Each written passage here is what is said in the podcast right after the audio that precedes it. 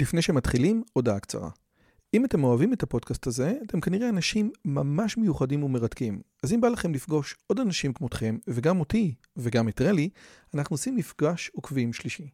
ביום חמישי, בתאריך ה-9 למאי 24, בין השעות 7.5 ל-11.5, אנחנו הולכים לקיים מפגש עוקבים שלישי בבית שלי בנופים בשומרון.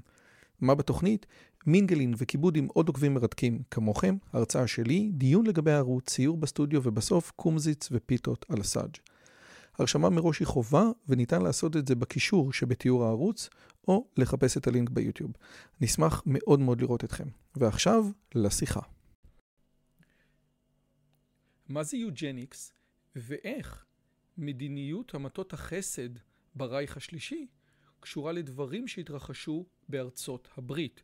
שלום לכולם וברוכים הבאים לערוץ שלי, ערוץ שמדבר על השכלה, אינטליגנציה וגם איך לגרום לכם להיות קצת יותר חכמים בשיחת הסלון הבאה שלכם. והיום, לרגל יום השואה 2020, אני רוצה לדבר על נקודה מאוד מאוד מעניינת ואפלה בכל נושא של מחקר האינטליגנציה, וזה הרעיון של יוג'ניקס, כן?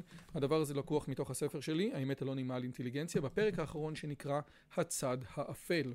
אז הרעיון הוא מאוד מאוד פשוט. בסופו של דבר, אנחנו, תשאל ילד קטן, מי אשם במלחמת העולם השנייה? הוא יגיד לך שהיטלר, הוא רצה לחסל את היהודים. אבל זה לא באמת נכון.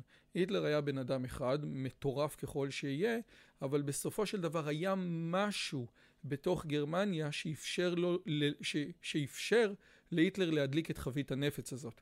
הרעיון הזה, זה כבר בא לידי ביטוי במה שאנריך היינה אמר במאה ה-19, שבגרמניה תתרחש כזאת זוועה שלידה המהפכה הצרפתית תראה כמו טיול בלתי מזיק בגן. אז היינה כבר הבין שיש משהו בגרמניה המתעוררת, הלאומנית, שהולך להתפוצץ לגמרי, והיטלר פשוט פוצץ את החבית הזאת. אחד התחומים המרכזיים ביותר בכל נושא האינטליגנציה זה הרעיון הזה שאתה מסווג אנשים, כן? הנאצים סיווגו אנשים לגזע עליון וגזע נחות, ואת הגזעים הנחותים צריך להרוג. אבל מה שאולי פחות ידוע, ואני חושב שחלק גדול ממי ששומע את הערוץ הזה כן יודע, שהראשונים שהנאצים הרגו ועיקרו ועשו המתות חסד, כן, היו טוניזיה האלה, היו הגרמנים עצמם. זאת אומרת, לקחו את כל האסוציאלים, את כל המפגרים, יש, יש קטגוריות כזה, אימבציל ודביל ומורן, כן, כל uh, ה, ה, ה, המילים שאנחנו משתמשים בהם היום באנגלית, הם מילים שבאמת היו פעם אובזרבציות קליניות כדי לתאר מישהו שהוא אסוציאלי לא חכם וצריך או לעקר אותו בכפייה או לעשות לו המתת חסד. חצי מכל המטות החסד שבוצעו בגרמניה הנאצית, בתוך התיק היה גם בדיקת IQ, זאת אומרת הם השתמשו בקונספט של IQ כדי בעצם להגיד הנה הבן אדם הזה הוא לא חכם, צריך להרוג אותו. והרעיון הזה, ואני חושב שהוא ממש ממש חשוב, קשור לאו דווקא לגרמניה. כי כאשר הבן אדם שכתב את חוקי העיקור בארצות הברית, ועוד מעט נגיע לזה, חוקי העיקור לא הגיעו מגרמניה, הם הגיעו מאירופה, הם הגיעו מארצות הברית. כאשר הבן אדם שכתב את חוקי העיקור בארצות הברית ראה את חוקי העיקור של הרייך השלישי, הוא אמר בואנה הם העתיקו אותי מילה במילה. זאת אומרת, יש משהו ברעיון התיאורטי מתחת, כן? מתחת לפני השטח של גרמניה, שבעצם סייע לגרמנים לעשות את זה. אז בסרטון הזה אני רוצה לדבר על הרעיון של eugenics ו dysgenics. זה מילים שאנחנו לא מכירים אותם היום, זה אאוגנטיקה ו dysgenics בכלל אנחנו לא מכירים, אבל הרעיון הזה אומר את הדבר הבא. שימו לב, הסכיתו ושמעו מתוך הספר Dysgenics של החוקר ריצ'רד לין. באמצע המאה ה-19, מספר ביולוגים ומדענים חברתיים, זה מתורגם אצלי social scientists, האמינו שהאיכות הגנטית של האוכלוסייה בקרב האומות המערביות יורדת. הם חשבו שתופעה הזאת מתרחשת בעקבות משקל הולך ופוחת של הברירה הטבעית, אותה הברירה הטבעית שדרווין כל כך הילל. אותו תהליך שבאמצעותו הטבע מעלים בכל דור את הלא מתאימים, את ה-unfit, על ידי מוות מוקדם והורדת הפוריות. מהרגע שהברירה הטבעית נעשתה פחות משמעותית, או במקרים מסוימים לא רלוונטית, אותם מדענים האמינו שהידרדרות גנטית היא בלתי נמנעת. הם חשבו שהתהליך כבר התחיל. אז מה הרעיון? דרווין מדבר על הברירה הטבעית, על הרעיון הזה שהמתאים שורד. ופתאום בסוף המאה ה-19 כמה אנשים רואים שזה כבר לא קורה. הדבר הזה קורה בכל מיני סיבות, כן? אבל הבריאות הופכת להיות הרבה יותר טובה, וגם, ו, ואנשים, כן? ריצ'רד לין מדבר על זה, שאנשים משכבות הנמוכות לא ידעו להשתמש באמצעי מניעה, והרעיון הזה שלצורך העניין אנשים אינטליגנטים עושים פחות ילדים, וזה דבר ידוע בכל העולם, אז הוא אומר, דווקא האלה שהם פחות אינטליגנטים ועושים יותר ילדים, הם בסופו של דבר יביאו לזה שהגזע או, או שהיכולות המנטליות מידרדרות. אין יותר ברירה טבעית, הטבע לא בוחר את המוצלחים ביותר, כן, ומסלק את הלא מתאימים, ולכן יש תופעה של dysgenics, כן? הרעיון הזה של dysgenics היא ירידה ברמת של איכות התורשה של גזע או של מוצא. זה הרעיון. וכדי לטפל בנושא הזה, הם החליטו שצריך לעשות eugenics, כן? better gene, כאילו לשפר את הגזע בצורה מלאכותית. הרעיון, או הראשון שדיבר על זה בצורה משמעותית, היה בן דוד או חצי בן דוד של דרווין, פרנסיס גלטון. ופרנסיס גלטון אומר, אנחנו צריכים בצורה מלאכותית, מכיוון שהטבע כבר לא עושה את זה, לשפר את הגזע. ואת זה עושים על ידי שני דברים, eugenics חיובי ו eugenics שלילי. או, עכשיו, מה זה בעצם יוג'ניקה או אאוגנטיקה חיובית? הרעיון הוא מאוד מאוד פשוט. אנחנו, איך אומרים? מסווגים אנשים עם תכונות טובות אחד לשני. סיפרה לי חברה שבאוניברסיטה העברית היו מסיבות של הפקולטה לרפואה עם הפקולטה להנדסה, וקראו למסיבות האלה ככה בשושו, מסיבות השבחת הגזע, כן? אז זה בגדול הרעיון הזה. יוג'ניקה חיובית זה רעיון שאתה לוקח את הסוס הטוב ביותר עם הסוסה הטובה ביותר ואתה מזווג ביניהם ואתה מקבל צאצאים טובים יותר. אנחנו עושים את זה לחיות, אנחנו עושים את זה לצמחים וכל פעם שאימא שלכם מעקמת את האב שאתם מביאים בן או בת זוג הביתה, היא בעצם רוצה לייצר יוג'ניקה חיובית, כן? שאתם תתרבו רק עם המשובחים, כי לכם מגיע רק את המשובחים, כי בוודאי אתם משובחים. אז הדברים האלה קיימים תמיד והיו קיימים לאורך כל ההיסטוריה. הרעיון הזה שאלה אומרים, תביא גנים טובים, כן? עובדה, אתן לכם דוגמה לצורך העניין, בבנק הזרע, שאתה בא לתרום זרע, לא שאני יודע, אלא הלכתי לעשות מחקר, אז אתה צריך פסיכומטרי 700, כן? למה אתה צריך פסיכומטרי 700 בבנק הזרע? כי אנשים מבינים שיש משהו במטען הגנטי שמשחק תפקיד, כן?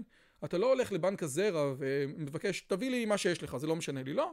יש איזשהו פרופסור למתמטיקה שקוראים לו ארי משהו, כן? והוא תורם זרע סדרתי. אז הוא פרופסור למתמטיקה וגבוה וחכם ויפה ובלה בלה בלה ובריא, אז לכן הרבה מאוד אנשים רוצים לקחת את הזרע שלו. הרעיון נקרא יוג'ניקה חיובית. אבל יש עוד רעיון, והוא אומר יוג'ניקה שלילית. יוג'ניקה שלילית אומר בדיוק את הדבר ההפוך. זאת אומרת, אני נמנע מלהעביר גנים שהם לא טובים. איך אני עושה את זה? המטרה היא באמת לא לאפשר לאנשים האלה להתרבות, כן? לעשות עיקורים בכפייה, או לעשות לצורך העניין המתות חסד. אבל הרעיון הזה, זה שזה לא התחיל בגרמניה, זה התחיל באירופה וזה התחיל בארצות הברית. התנועות היוג'ניות, כן? התנועות היוג'ניות של המפלגה הדמוקרטית, כן? היו תנועות משמעותיות מאוד בארצות הברית. ארצות הברית הייתה חלוצה, בארצות הברית היו המון, אלפי אלפי עיקורים בכפייה של אנשים שהיום אפילו לא היינו מכניסים אותם לכיתת מב"ר. פשוט אמרו, אלה אנשים שהם לא ברמה גבוהה, אנחנו לא רוצים להכניס אותם. אגב, בתוך הסיפור הזה, גם כל המהגרים שהגיעו, עשו להם בדיקות אינטליגנציה. אמרו, טוב, אתה מהגר לא חכם, אתה לא נכנס לארצות הברית. בשנת 1914, שימו לב, פרסם הארי לפלין, היוג'ניקי המפורסם ביותר בארצות הברית, טיוטה לחוק העיקור עבור מדינות בארצות הברית. ומה אומר החוק הזה? שהמדינה רשאית לעקר בכפייה אנשים מסוימים אשר יש להם גנים לא טובים. 1914 ארצות הברית. בעיקר מפגרים או רפי שכל. במקור feeble minded. היום כבר לא מדברים כך, אבל זה ככה היה. חשוב לציין שבעקבות ההשפעה האדירה של גלטון ודרווין, חוקי העיקור הזה יושמו בלא מעט מדינות מערביות, כמו קנדה, שווייץ, שוודיה, דנמרק ועוד. עם זאת, הטיוטה של לאפלין הייתה הרבה יותר כוללת, כי היא באמת כללה תחת ה feeble minded הרבה מאוד אנשים אחרים. בשנת 1933, שהנאצים מעבירים את החוק הזה, הוא נקרא החוק למניעת צאצאים החולים במחלות תורשתיות, ושלפלין קורא את החוק הוא אומר חוץ ממשפט אחד החוק הגרמני הוא העתק של החוק האמריקאי. יש סופר שקוראים לו סטיבן מורדור שכתב IQ, A Good History of a Bad Idea, והוא אומר את הדבר הבא, הוא אומר ההבדל בין גרמניה הנאצית וארצות הברית של תחילת המאה ה-20 לא היה בפילוסופיה אלא בשיטת הממשל. שניהם רצו בדיוק את אותו הדבר, פשוט הגרמנים לקחו את זה, בגלל שלא הייתה להם דמוקרטיה, לקצה הלוגי של העניין. למעשה, בתזכיר משנת 1936 של המפלגה הנאצית, הם אמרו את הדברים הבאים. הם אמרו ש-racial hygiene must always follow the principle that is better to sterilize too many rather than few. few. זאת אומרת, עדיף לעקר יותר מדי מפחות מדי, ולא מעט אנשים, כולל חברים במפלגה הנאצית, עברו את העיקורים בכפייה, בין היתר על בסיס בחינת IQ. אגב, מה שאלו באותה בחינת איי-קיו של הגרמנים כדי לדעת אם אתה צריכים לעקר אותך או לא, מה היית עושה אם היית זוכה בלוטו, כן? זאת אומרת, בן אדם שלא היה יודע מה הוא עושה כשהוא זוכה בלוטו, לפי ההגדרה שלהם מפגר וצריך לעקר אותו. הרעיון המרכזי זה שברמה של הלוגיקה, קשה מאוד להתווכח עם זה, בייחוד אם אין לאדם ערך מעבר למה שהוא מספק לחברה. למעשה, כבר ממלחמת העולם הראשונה, הגרמנים התלבטו בסוגיה הזאת לגבי עצמם, והרעיון היה כזה דבר. בגלל שהמשאבים לטיפול באותם לוחמים של מלחמת העולם השנייה, אפילו משאבים של הרופאים, האוכל של הרופאים היה כל כך מוגבל, קו המחשבה היה כזה, אם טובי בניה של האומה הגרמנית הקריבו את עצמם על אדמות צרפת, כן, הטייסים, החיילים הטובים ביותר, הם הקריבו את עצמם על אדמות צרפת בשביל האומה הגרמנית, המוגבלים, מנטלית ופיזית, אשר צורכים משאבים רבים במדינה, צריכים גם להקריב את עצמם לטובת המולדת, האומה, או כל קבוצה אחרת שתוכלו לחשוב עליה. זה, זה טריקי, כי אם באמת, אני אומר, הטובים ביותר של הילדים שלי הקריבו את עצמם לטובת המולדת, למה שהמפגרים, שה feeble minded, לא יקריבו את עצמם על טובת המולדת? ואם אתם חושבים שזה רק היגיון גרמני, זה לא נכון. שימו לב לפסק דין מ-1927 של בית המשפט העליון בארצות הברית. אותה ארצות הברית שאנחנו רואים שום קשר לכאורה בינה ובין התפיסה הנאצית. ראינו כבר יותר מפעם אחת שטובת הציבור דורשת לעיתים שהאזרחים הטובים ביותר יקריבו את חייהם. זה יהיה מוזר אם עיקרון זה לא יהיה תקף עבור אלו שכבר התישו את כוחה של המדינה לטובת מטרות מקודשות פחות, וזה על מנת למנוע מאיתנו לתבוע בחוסר יכולת של אותם המוגבלים. אם טובי בנינו אה, אה, מקריבים את עצמם למען הבולדת, מה הבעיה? שגם אלה שהתישו את המערכת או המוגבלים יעשו את זה. בהקשר הזה, זה היה משהו ממש ממש מעניין, הרעיון הזה שהתפיסה הזאת, כן, שאם אתה א-סוציאלי, אז אתה לא יכול, אז, אז אולי אין לך ערך, זה נכנס לתוך ספרי הלימוד של הגרמנים, אפילו במתמטיקה. קחו למשל דוגמה לבעיה במתמטיקה בכיתה ח' או בכיתה ט', שפורסמה ב-1936. באזור מסוים ברח הגרמני יש 4,000 חולי נפש במוסדות המדינה. 4,500 זוכים לתמיכת המדינה, 1,600 בבתי חולים מקומיים, 200 במוסדות לחולי אפילפסיה ו-1,500 בבתי רווחה. המדינה משלמת מינימום של 10 מיליון רייך לשנה עבור המוסדות האלה. עכשיו שימו לב לשאלה, מה העלות הממוצעת למדינה פר תושב בשנה? והשתמש בנתון מסעיף א' וענה כמה יעלה למדינה אם 868 חולים יחיו יותר מ-10 שנים, 260 חולים יחיו יותר מ-20 שנה ו-112 חולים יחיו יותר מ-25 שנה. זאת אומרת, אולי עדיף לך שהם לא יחיו לפי ההיגיון של המתמטיקה הזאת, ובסופו של דבר לתת להם פחות כסף, לקחת את הכסף לטובת המדינה. הרעיונות האלה שאנחנו תופסים אותם, המקורות שלהם הם לא בגרמניה וגם לא בארצות הברית. המקורות שלהם מופיעים במאה ה-19 עם שתי מהפכות או שתי מכות גדולות מאוד שאירופה חוטפת. והמכות האלה, לפי דאגלס מרי, מחבר המרד המוזר של אירופה, אומר את הדברים הבאים. שימו לב. המהלומה הראשונה היא יסוד, יסוד תחום ביקורת המקרא באוניברסיטאות של גרמניה, והמהלומה השנייה היא פרסום הספר מוצא המינים של דרווין ב-1859. לפי דאגלס מרי, שיש שתי סיבות, א' למדיניות ההגירה של אירופה, אבל גם שתי הסיבות האלה מגיעות לכל התורות היוג'ניות האלה שמתחילות באירופה וארצות הברית, וגרמניה מיישמת אותן, שהן תיאוריות שבמהות שלהן הן חילוניות, תיאוריות חסרות אלוהים. שימו לב, אומר דאגלס מרי את הדברים הבאים. דרווין פשוט פרס את ההסבר הכוללני הראשון לעולם שבו אנחנו חיים, שלא היה לו כל צורך באל. אם אתה מקבל את דרווין, כן, אז, אז, אז זה הכל, אז, אז הכל, הכל התפתח מאליו, כבר דיברנו על זה. וכמו בתחומים רבים, ניטשה, שמת ב-1900, חזה כבר את התהליך. עכשיו, כולנו יודעים שניטשה אמר שאלוהים מת, כן, אלוהים מת ניטשה, ניטשה מת אלוהים. אבל למעשה זה לא מה שהוא אמר, זה קטע מטורף. אלוה... ניטשה הבין שהיסודות המוסריים של אירופה הם יסודות נוצריים. וברגע שאתה מעקר את היסודות הנוצר... הנוצריים, הבניין יתמוטט. זה בדיוק מה שקורה. דאגלס מרי אומר, אני בן אדם אתאיסט חילוני, אבל אני צריך להתנהג כאילו אני לא, אחרת יש לי בעיה ממש. עכשיו, הרעיון כזה, אם באמצעות דרווין שמחלן את הבריאה, כי זה לא צריך את אלוהים, ואם באמצעות ביקורת המקרא שמחלנת, כן, מלשון חילון. סק... סקיולר, כן? סקיורליזציה. אתם יודעים מה, למה אני מתכוון.